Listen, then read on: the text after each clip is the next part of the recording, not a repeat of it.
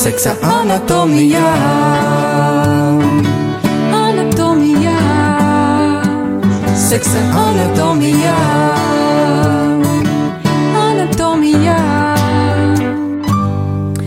Sveicināti, mīļie radio klausītāji, radio Marija klausītāji.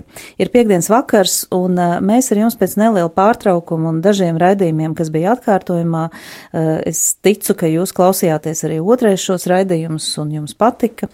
Tātad pēc tiem raidījumiem, kas bija atkārtojumā, mēs beidzot atkal uh, ar jums tiekamies un sazinamies, un ir atkal jauna tēma par to, ko jūs gaidat, par to, ko jūs gribat dzirdēt, un, protams, seksa anatomija par seksuālu seksuālo dzīvi, par seksu, par identitāti, par sievišķību, par vīrišķību, par uh, seksuālo dziedināšanu un uh, miesas teoloģiju un daudzām citām lietām, par kurām esam šeit runājuši. Šodien mums studijā ir uh, viesis, un šoreiz atkal ir eksperts. Pie mums ir Līva, Līva Spurava. Sveika, Līva! Jā, sveiki! Nezinu, mīļie radio klausītāji, vai jūs zinat Līvu no citiem raidījumiem, bet viņa ir piedalījusies arī citos raidījumos ar ļoti interesantām tēmām, un tie, kas regulāri klausās vai arī arhīvā vai radio tiešajā, es domāju, ka noteikti ir kādu raidījumu dzirdējuši un Līvu dzirdējuši, bet šodien viņa ir pie manis. Uh, un Līva varbūt pāris vārdos par sevi, jo esam aicinājuši tevi kā ekspertu, bet droši vien, ka var arī kaut kādā citā mm, amplitūdā. Oh, par sevi. Uh, nu, es varbūt tā uh, tīri pastāstīšu, kas ir tas, ko es daru, kas es mm -hmm. esmu. Uh, tad Līvas Puravis esmu un es esmu psihoterapijas praktiķi. Tas nozīmē to, ka uh, pavisam drīz jau es beigšu savas psihoterapijas uh, studijas. Uh, Eh, kas ilga vairākus gadus. Un, ehm, nu jā, un tas ir tas, ar ko es nodarbojos eh, tagad, pašlaik ikdienā. Tagad es atrodos nelielā eh, dekrētā ar savu mazo meitiņu, tāpēc esmu paņēmis tādu nelielu pauzīti, bet atnākt uz radio man vienmēr ir ļoti liels prieks. Bija jau pie Aigara radio mīlēt mm -hmm. citu. Un man tiešām ļoti patika, tāpēc es biju ļoti priecīga, kad uh, tu man uzrunāji. Nu, lūk, Uh, tas, ko es daru, uh, es uh, vadu arī tādas kā atbalsta grupas sievietēm, bet pārsvarā tas, par ko mēs runājam, ir um, attiecības pāru attiecības. Uh, pāru seksuālās attiecības, un tagad jauna tēma, par ko es pat esmu sākus arī vairāk interesēties, ir pāru reproduktīvā sistēma. Un tieši no psiholoģiskā aspekta, kas, mm -hmm. kas tā tad varētu slēgties kaut kādu mm, problēmu apakšā. Tātad faktiski pazemināts auglības, neauglības. Ja? Jā, un dažādi. Problēma apakšā mm -hmm. šī psiholoģiskā puse, kas, protams, ir neatraujama no tās tēmas, ko mēs šeit, mm -hmm. uh, par ko mēs šeit runājam, tātad par seksuālām attiecībām, par seksu, par identitāti, par attiecībām. Tas viss vien Jā, un uh, Līva uzrunāja to tāpēc, kad biju redzējusi, kad uh, tev bija tapis pētījums darbs tieši pār seksuālās attiecības kaut kādus pāris gadus atpakaļ, kas, es domāju, ir iedarbs interesē ne tikai mani, bet arī būtu interesanti arī um, klausītājiem, jā, jo um, arī raidījuma laikā un uh, arī uh, tādīs katehēzēs, kuras esmu piedalījusies runājot par seksu, mums bieži vien ir jautājumi, jautājumi par to, kā tieši ģimenē uh, ģimenē risināt šīs seksuālās problēmas. Ja? Jo viens ir tad, ja nav otra cilvēka, un tā arī ir ļoti liela uh, tāda sāpe un problēma, tie, kas nevar atrast otru, un tad uh, tur ir tas jautājums dzīvot bez seksa vai nedzīvot, kā izdzīvot bez seksa, kā atrast savu identitāti, kā to visu tā kā regulēt. Ja? Bet man liekas, ka daudz, daudz sāpīgāks tomēr jautājums ir tad, ja tas ir bet tas mm. nav sakārtots. Kā tapa vispār šīs darbs un kāpēc šī tēma tevi tā uzrunāja? Um.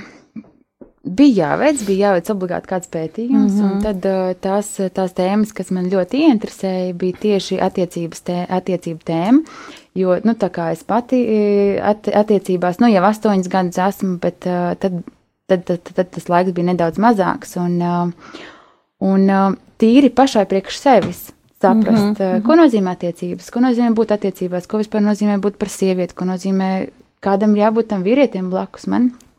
Un tīri personīgi motīvu vadīta, es uh, sāku interesēties uh, vairāk tieši par attiecībām, un tad tālāk sašaurināju to visu līdz seksuālām attiecībām, pāri seksuālām attiecībām, jo es sapratu, ka man ir ļoti maza skaidrība par to, kas vispār notiek. Ko nozīmē seks? Ko nozīmē, ja seksa nav? Kas, kas, kas noved līdz tam? Ļoti daudz tādu pašai tādu jautājumu lika pētīt šo tēmu dziļāk. Protams, pagāja um, pusotrs gads, kamēr es šo darbu uzrakstīju, jo viņš bija diezgan plašs. Un, uh, un, un es sapratu, ka es ļoti daudz ko iemācījos caur to, mm -hmm. ļoti daudz ko uzzināju. Un, un, un tas priekš manis tas atklājums uh, bija tāds wow, kad uh, es tikos ar seksologiem, es tikos ar psihoterapeitiem, psihiatriem, lai saprastu, kas tad uh, ir kaut kādu seksuālu problēmu apakšā, kas varbūt tur slēpjas, kā, kā, kā, mēs savu, kā mēs ar vīru sevi varam no tā iespējams pasargāt, no kaut kādas rutīnas, kā ieviest kaut kādu dzirkstlīti un tā tālāk. Tas būtībā bija tas, kāpēc es šo tēmu sāku pētīt dziļāk. Tad faktiski tev bija tāda arī personīga motīva. Viennozīmīgi, viennozīmīgi tāpēc, kad. Uh, Uh, nu, kas pašam aktuāls, tas, tas, tas man liekas, arī es mm -hmm. varu ne tikai pati priekš sevis kaut ko uzzināt, iegūt, bet arī sniegt pēc tam arī pārējiem um, šo tēmu nedaudz tā kā pastāstīt. Mm -hmm. Vai tavā pētījumā piedalījās arī pāri, kuriem ir problēmas, vai tikai eksperti? Um, tikai eksperti, bet uh, tieši saistībā ar to darbu mēs ar vīru izgājām um, pāru terapiju. Mm -hmm. Kas uh, pilnīgi netiešām tas tā ļoti forši sakrita kopā, bet mēs nerunājam par seksuālām attiecībām, bet vispār par attiecībām un par komunikāciju pāri starpā. Mūs uzaicināja um, vienā Maskavas projektā piedalīties. No, no Maskavas brauca ģimenes terapeiti uz Latviju mācīties, un mums šeit vienkārši Latvijā arī ļoti daudz foršu labu speciālistu ir.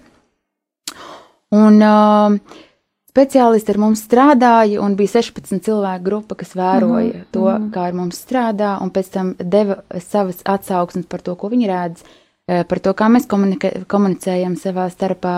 Un tā, tā īstenībā bija fantastiska pieredze, un, un tieši tā darba rakstīšanas laikā es gan esmu vēlējusies eh, tādu izklāstu uzrakstīt par to, par to visu, jo tas, tas notika pusotru nedēļu ar mums strādāja, uh -huh, uh -huh.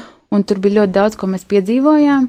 Un uh, tam gan laiks man vēl nav sanācis, bet tā kā es ļoti, ļoti ceru, ka kaut kad nākotnē var būt kādu grāmatu par to uzrakstīt, jo labs pamats man ir šis darbs.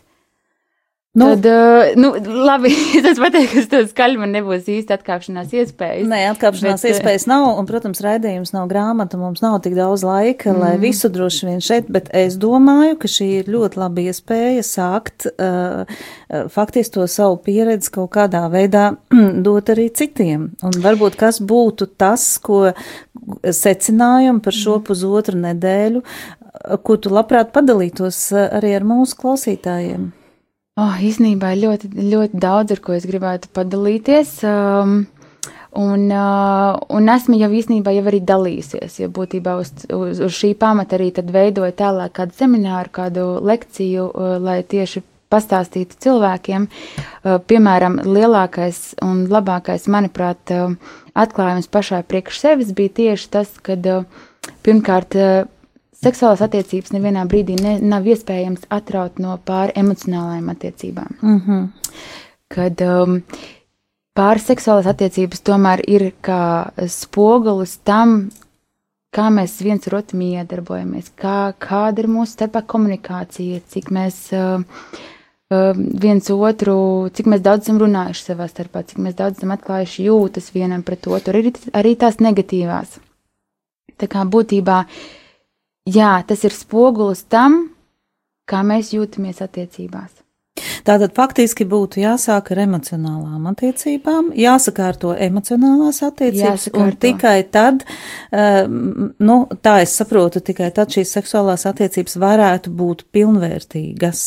Tieši tā, jo, manuprāt, nu, ja nav vienam pret otru emocionāla interese, tad eh, man liekas, pēc tam tālāk seksuālās attiecības arī mm, nespēja būt pilnvērtīgas un, un harmoniskas. Un, un tāpēc eh, man gribētos vēl reducēt bišķiņu mm, no emocionālajām attiecībām, ka būtībā mūsu emocionālās attiecības ir atkarīgas no tā,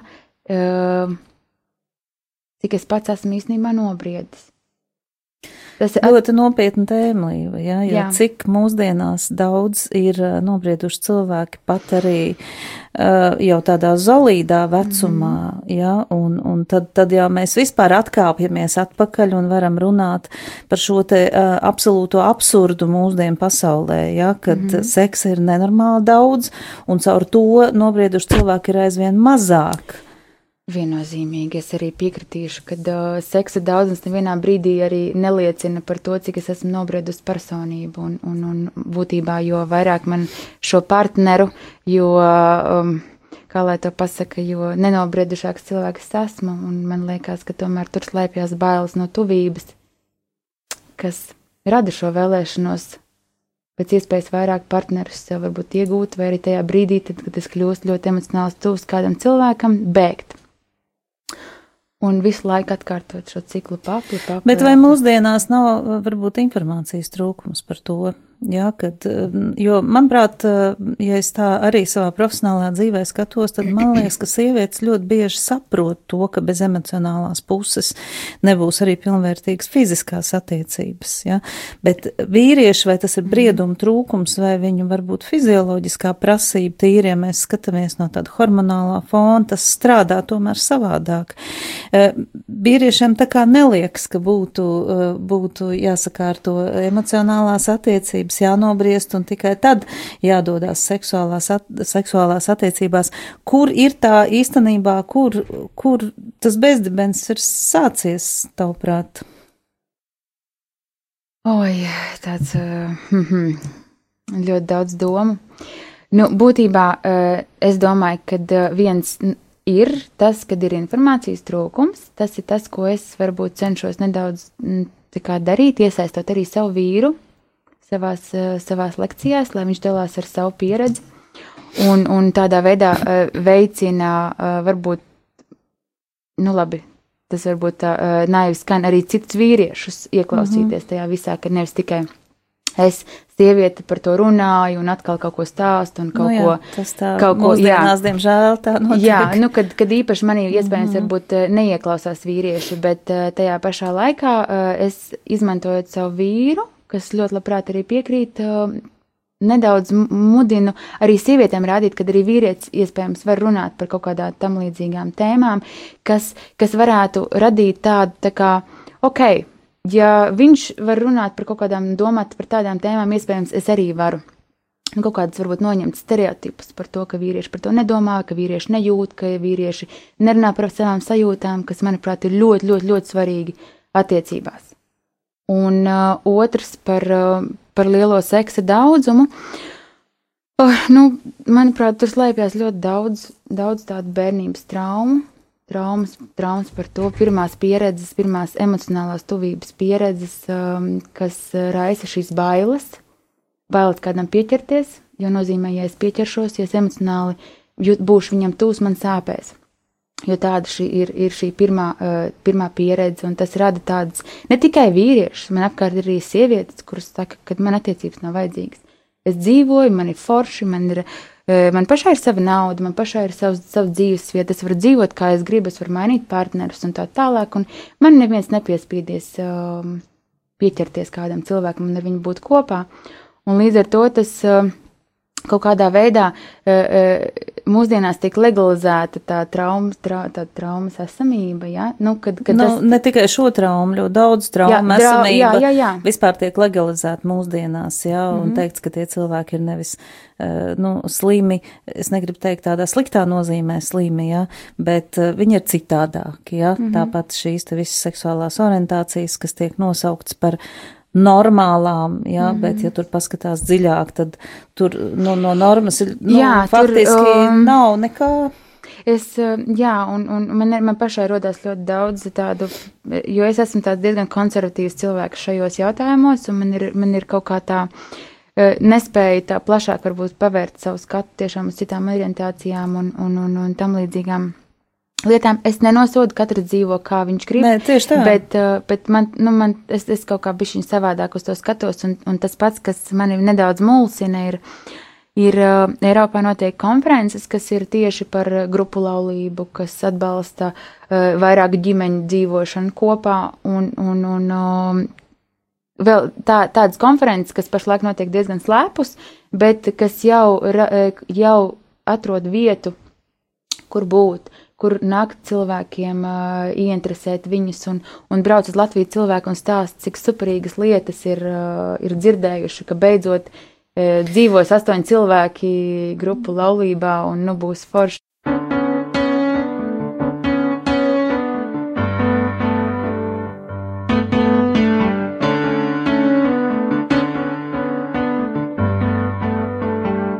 Seksa anatomijā.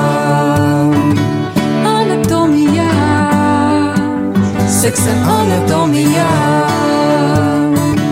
Anatomijā. Es domāju, ka tādas tendences jau pirms tam arī bija, bet viņas nebija tik tiešām tik ļoti uh, legalizētas. Jā, jā, jā. jā. Mhm. Protams, vienmēr rodas man personīgi, vienmēr rodas jautājums, ko gan cilvēki vēlas tur iegūt, jā, un kas, kas ir viņa ieguvums šāda tipa un šāda veida attiecībās, jo, uh, nu, es, es nevaru tur ieraudzīt šo ieguvumu. Jā. Mm. Tā kā kas vienmēr jau Tu saki, nenosod, es arī nenosodu, bet man sāp. Sāp patiesībā, jo, um, jo nav jau tā, ka viņa speciāli iet uz elli, viņa vienkārši nesaprot, ko viņa dara, ja, un tā ir tā lielākā problēma, ja. Un varbūt, ka tiešām uh, tas, pie kā mēs te nonācām, man liekas, kad izveidojās tāda neliela tā kā piramīda, briedums, emocionalitāte, un, tad tikai seks, ja, jo mēs diemžēl, ejam otrādi, seks, tad var būt, ja, tad var jā. būt, ja seks būs labs, tad es ar tevīm aiziešu arī uz kino, ja, tā tad sākšu veidot arī emocionālās attiecības, ja, mm. un tad var būt kaut kad mēs nonāksim pie tā, ka mēs abi būsim pietiekami nobrieduši, ja, caur šo seksu, un, un tas ir tāds uh, ceļš, manuprāt, uz nekurieni. Man liekas, ka ļoti grūti ir tieši tādā, tādā ceļā, kā tu tā kā tu teici, nonākt pie tāda emocionāla brieduma, tas man liekas, rada vairāk tādu to aburto apli, kad ai man ar šito nesenāca.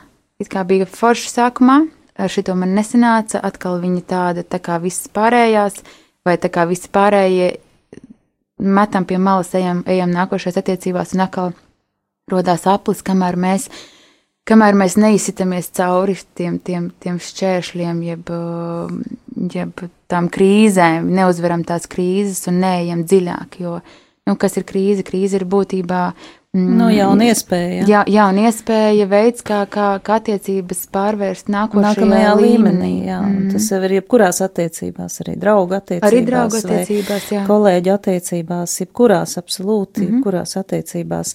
Bet um, tas mans jautājums bija, uh, varbūt tas, uh, kādēļ mūsdienās cilvēki varbūt netiecās uz šo briedumu sākotnēji. Kas, um, mēs runājam ļoti daudz, ir arī internetā tiek uh, varbūt lasīts par to, ka ir tāda tur X paudze, Y paudze, ja, tas tātad tur tāda Google mm. paudze un tā tālāk, bet man uh, tomēr no savas skatu punkta liekas, ka tieši mana paudze, kas ir pagājušais gadsimts, ir visievainotākā. Ja? Mm.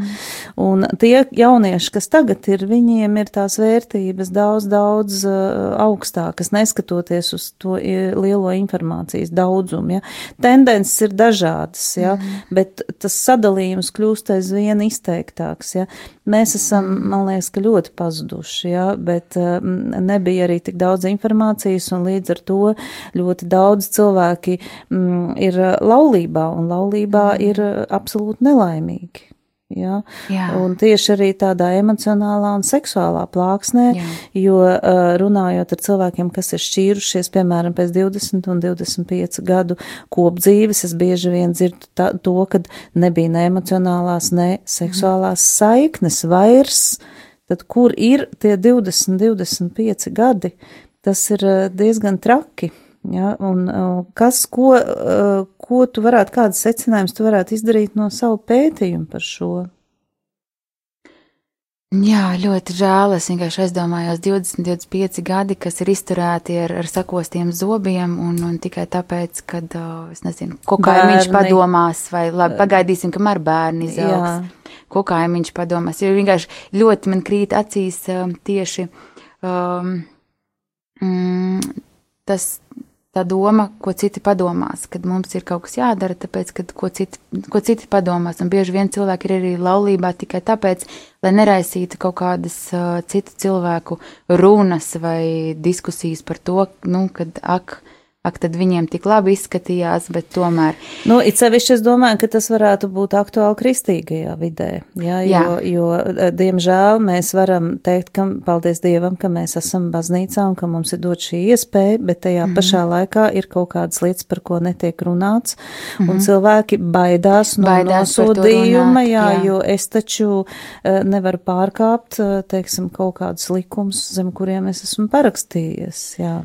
Jā, man ļoti, man ļoti, ļoti patika mm, e, Viestura Rudzīša grāmata. Es tiku pie viņa uh, grāmatas par ģimeni, un viens tāds um, citāts, jeb viņa metafora par laivu, kad attiecības, uh, jeb laulība ir kā laiva, un jūs esat divi cilvēki vienā laivā, bet izkāpt ārā no laivas īsti nav iespējams.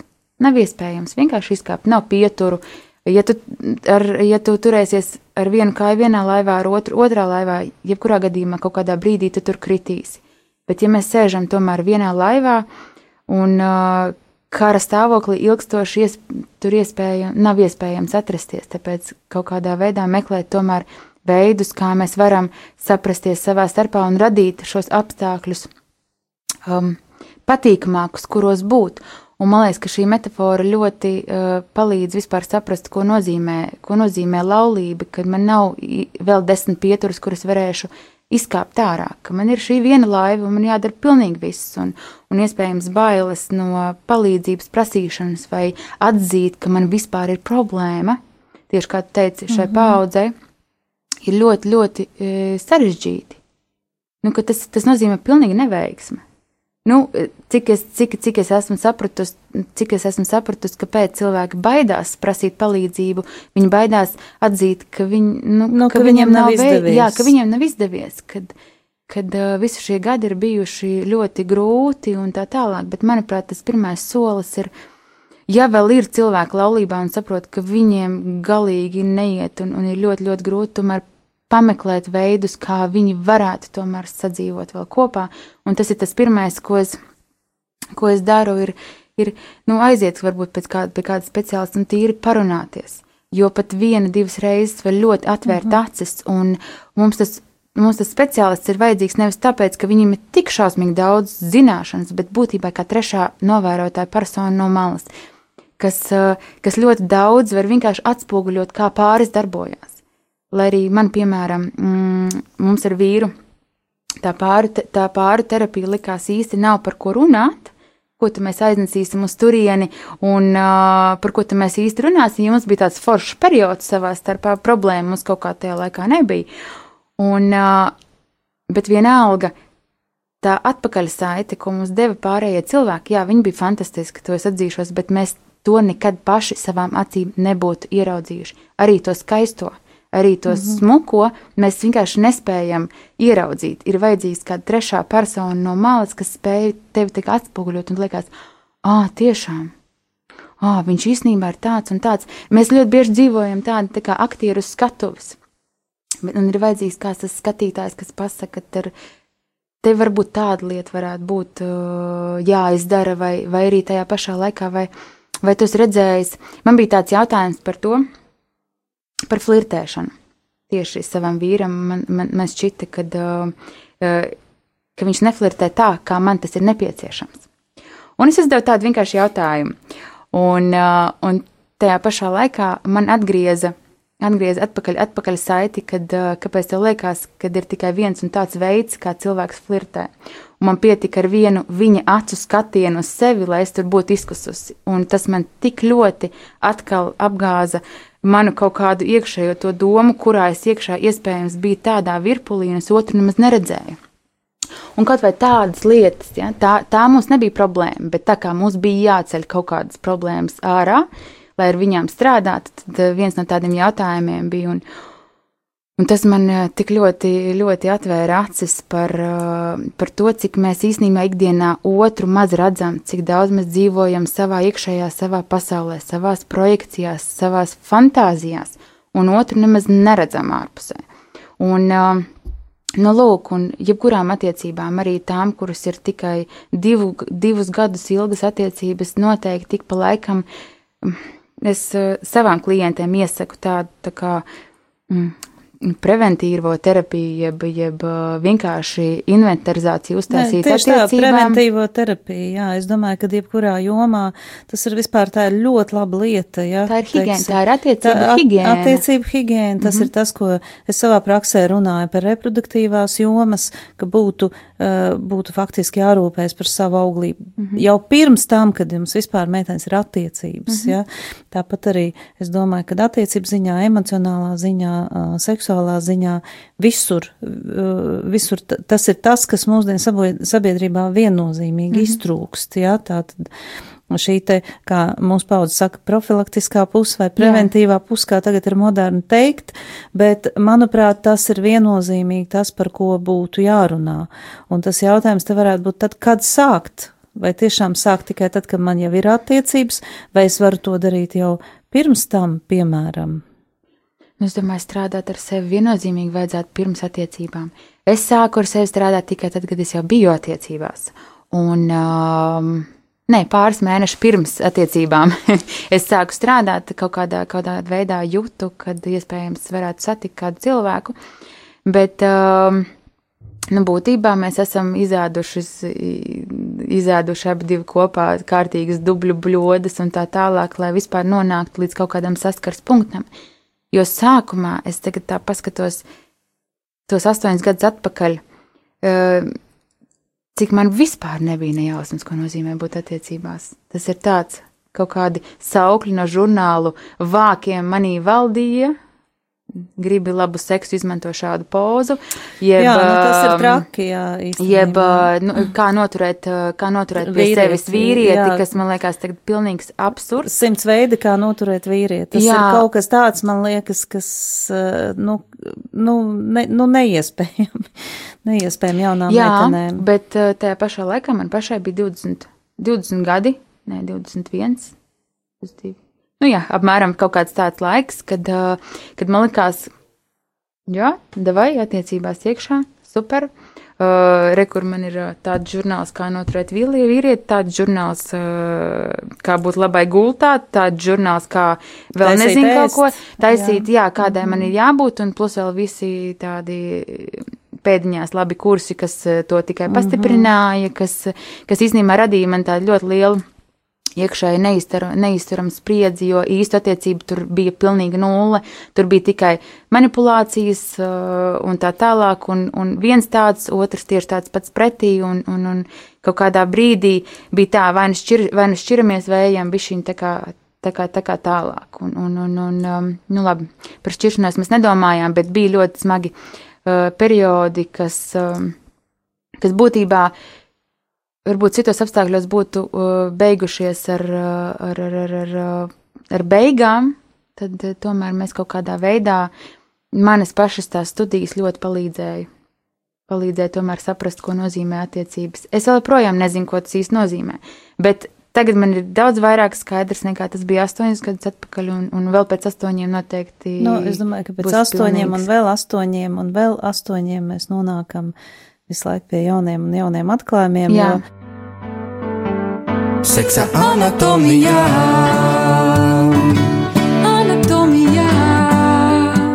Seksa anatomijā. Anatomijā. eh, tas tavs stāsts par to flirtēšanu eh, ļoti, ļoti uzskatāms. Ja? Cik ļoti mēs no otra cilvēka vēlamies nevis viņu pašu, bet, bet kaut ko, ko mēs iedomājamies. Jā, un kad tas nesagaidām, ir- nesagaidām to, tad neredzam neko citu absolūti Jā. nemaz. Ja? Mm -hmm. Tā tad drusciņ tāda, un to var e, distancēties no sevis un ieraudzīt otru cilvēku, man liekas, ka tiešām var tikai un vienīgi kaut kādā noteikti brieduma, mm, brieduma pakāpē. Tas skan mm -hmm. diezgan skarbi. Tāpēc, kad jebkura meitene, jauna meitene, man meitai ir eh, jaunākai 17 gadi, un uh, viņa arī jau sapņo par attiecībām. Mm -hmm. ja? Tātad faktiski mēs sākam domāt un sapņot par attiecībām jau no bērndārsa. Jā. Jā, Bet, jā. eh, bet pirms mēs neesam nobrieduši, mums ir ļoti grūti viņus veidot. Un atkal te veidojās tāda ārkārtīgi paradoxāla situācija. Ja? Tā tad jau informācija, kā būtu jāsniedz bērniem šī informācija, ģimenei informācija ja? par attiecībām, par emocionalitāti, par briedumu, par pat tām pašām seksuālām attiecībām. Jā, viennozīmīgi. Es tā es būtu ļoti, ļoti gribējis, lai man tāda informācija uh, būtu jau bijusi, varbūt, varbūt iepriekš. Nu, labi, tad es nebūtu šajā pozīcijā, kādā es esmu, bet, bet tomēr, manuprāt, tas, tas ļoti daudz ko man pašai atvieglot, varbūt, varbūt uh, spaiņas asaras, nebūtu tik ļoti izlējusi par to. Par, par to, cik īstenībā viss ir sarežģīti. nav pasaka, nav, nav nevienā Nav. brīdī nav pasaka. Un, Neviens jau arī nesolīja. Uh, pasakas solīja. pasakas bērnībā. Nē, nu, kurā, kurā pasakā ir, ir, mm, ir, protams, viss tas stāsts līdz kāzām. Jā, jā, un un vairāk tad ir pēc tam. tam. jau vairāk nav. Neviena mm. pasaka nav par to, kā viņi tad nu, dzīvoja to, to mūžu ilgi un laimīgi. Ja? Tas, kā viņi tur izcīnīja to dzīvi līdz tam mm. kāzām. Jā, nu tur ir ļoti skaisti. Ja? Tur jānosit puķis un jāpamodina tur mm. guļošā princese. jā?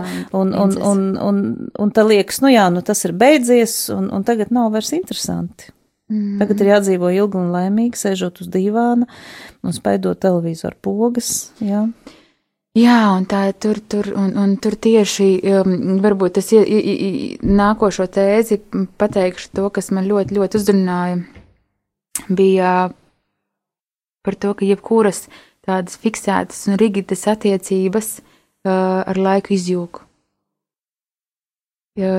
Tāda sistēma ilgstoši nav iespējams, uh, tādai sistēmai nav iespējams ilgi dzīvot.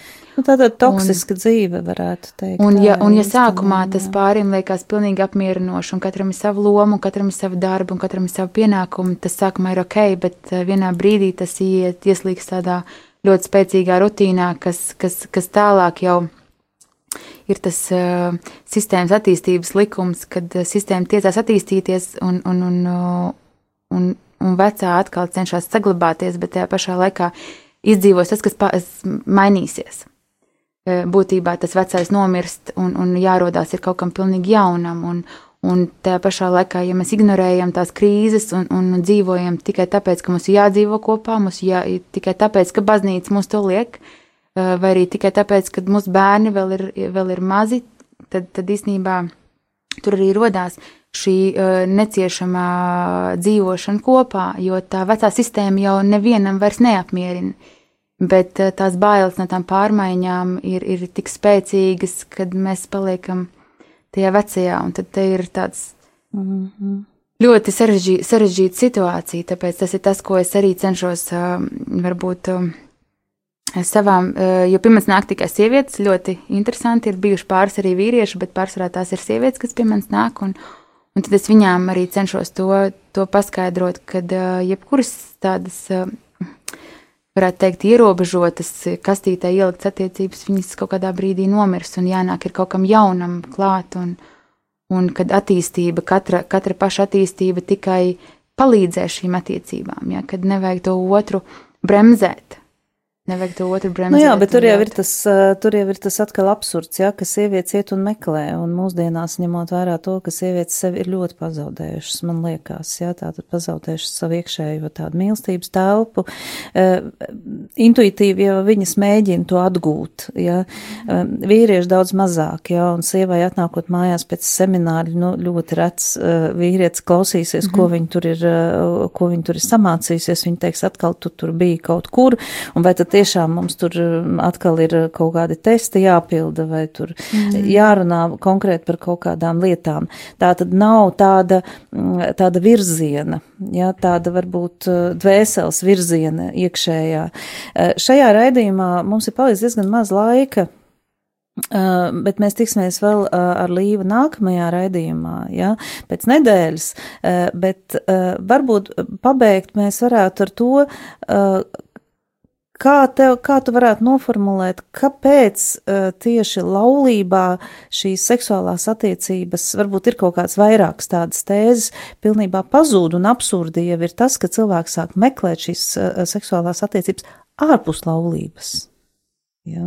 Jā, slikts seks nerodās vienkārši tāpat tās vien. Tāpat vien es atkal atgriezīšos pie tā paša, um, pie tās pašas sākumā izteiktās tēzes, ka tas rodās tāpēc, ka mēs nekopjam savas emocionālās attiecības, tas tāpēc, ka mēs nezinām vispār kā runāt vienam ar otru. Tas ir, tas ir, un runāt ne tikai par ikdienas pienākumiem, bet runāt vispār par to, kā es jūtos. Un, manuprāt, ceļš vīrietim to ir ļoti, ļoti, ļoti grūti saprast, ko nozīmē runāt par to, kā es jūtos. Es jūtos tā, kā es jūtos normāli, un sievietei iespējams, ka tas ir nedaudz pierastāk. Bet vienalga, tas ir vienīgais ceļš, lai sakārtotu savu seksuālo dzīvi, mums ir jāvēršas uz, uz emocionālām attiecībām, kas nozīmē, ka mums ir jārunā savā starpā. Savādāk mēs ne, nevaram viens pie otra to tiltu uzbūvēt, un, un, un tāda komunikācija, un, un regulāra komunikācija, un kā mans vīrs teica, ka sākumā viņam besīja ārā par to, ka visu laiku, sieva ar mani gribēt runāt, bet tad pēc tam viņš teica man paldies. kad tieši tam aktīvākajam attiecībās ir jāuzņemās šī loma, uh, jeb uh, jābūt tam iniciatoram. Lai runātu, un iespējams, pirmās 50 uh, reizes beigsies ar pilnīgu krahu un, un, un, un, un strīdu un tā tālāk.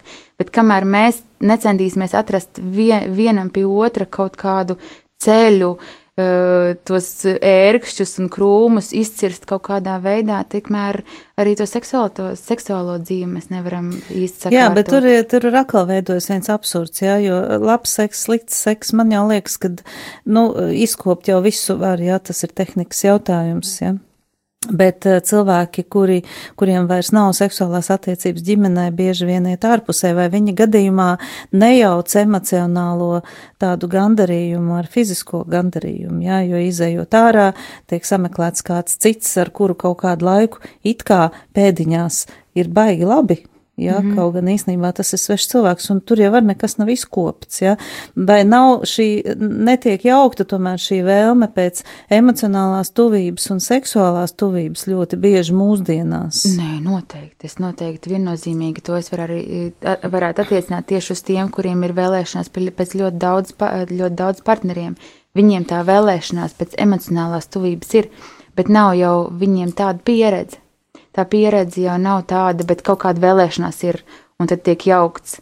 Tad tiek jaukts ar to, ka gribās to emocionālo tuvību, īstenībā neko citu neprot kā tikai fizisku tuvību. Un tad uh, un visu laiku nevar saprast, kāpēc tā fiziskā tuvība nerada īsti, gandarījumu. Nerada gandarījumu, bet, bet tieši otrādi viņi attālina no tās, no tās uh, apmierinā, apmierinātības sajūtas, ko iegūtu, ja iegūtu tādu emocionālo tuvību. Un, un īstenībā tādiem cilvēkiem ir ļoti, ļoti, ļoti iekšēji grūti un, un, un smagi dzīvot, jo vienīgais veids, kā es teicu, ir fiziska tuvība, vajadzība ir pēc emocionālās tuvības. Nu jā, bet viņi jau to diemžēl nezina. Tas ir tas trakākais. Uh, jā, nezinu, un tad bieži vien vienkārši arī, lai labāk pats, pats, pats justos, ieskaidro sev, ka man attiecības nav vajadzīgas, es esmu brīvs putns un priekš man mm. vispār uzņemties. Uh, saistības, un tas nav priekš manis, un, un tad radās tāda veida konferences, dzīvosim kopā bez saistībām, uh, desmit cilvēki. Un, es domāju, bez saistībām dzīvot kopā nav iespējams, lai ko runātu, jā, jebkura kopā dzīvošana vienalga, jebkuras attiecības, pat ja tās ir viens nakts attiecības, manuprāt, ir tomēr ar kaut kādām noteiktām saistībām, ar kaut kādu noteiktu atbildību par sevi, par savu rīcību, par otru, uh, pret sabiedrību apzināmies, to mēs neapzināmies, mm -hmm. jā, tas ir, tas tā ļoti smagi tomēr ir. Uh, šis raidījums uh, Eh, tuvojas eh, nobeigumam, bet eh, es ceru, Līva, ka nekas nemainīsies un kad arī nākamajā raidījumā mēs jau tuvāk runāsim varbūt par to, ka šim raidījumam ir tāds tuvāks, tātad mm. jau par kaut kādiem iemesliem vai arī veidiem, kā pārvarēt šīs grūtības tieši pāru un laulībā un mm -hmm. seksuālajās attiecībās. Lielas paldies, Līva, par šo raidījumu. Paldies. Jā, jauku tev mm -hmm. arī vakaru. Paldies, paldies. radio klausītāji. Līdz nākamajai reizei. Seksa anatomijā. Anatomijā. Seks un tā anatomija šodien pasaulē visvairāk apspriestā un baznīcā daudziem mītiem apvītā tēma. Par to raidījumā Seksa anatomijā. Kopā ar mani Annu piekdienās, pulkstens astoņos vakarā tiekamies!